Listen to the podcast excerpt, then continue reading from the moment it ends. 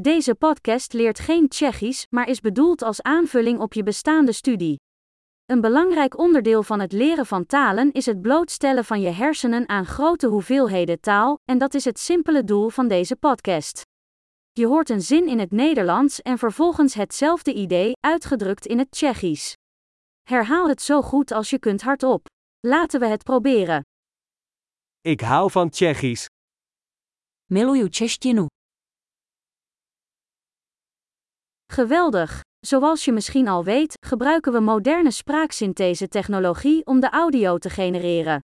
Dit maakt het mogelijk om snel nieuwe afleveringen uit te brengen en meer onderwerpen te verkennen, van praktisch tot filosofisch tot flirten. Als je andere talen dan Tsjechisch leert, zoek dan onze andere podcasts. De naam is net als Czech Learning Accelerator, maar dan met de andere taalnaam. Veel plezier met het leren van talen.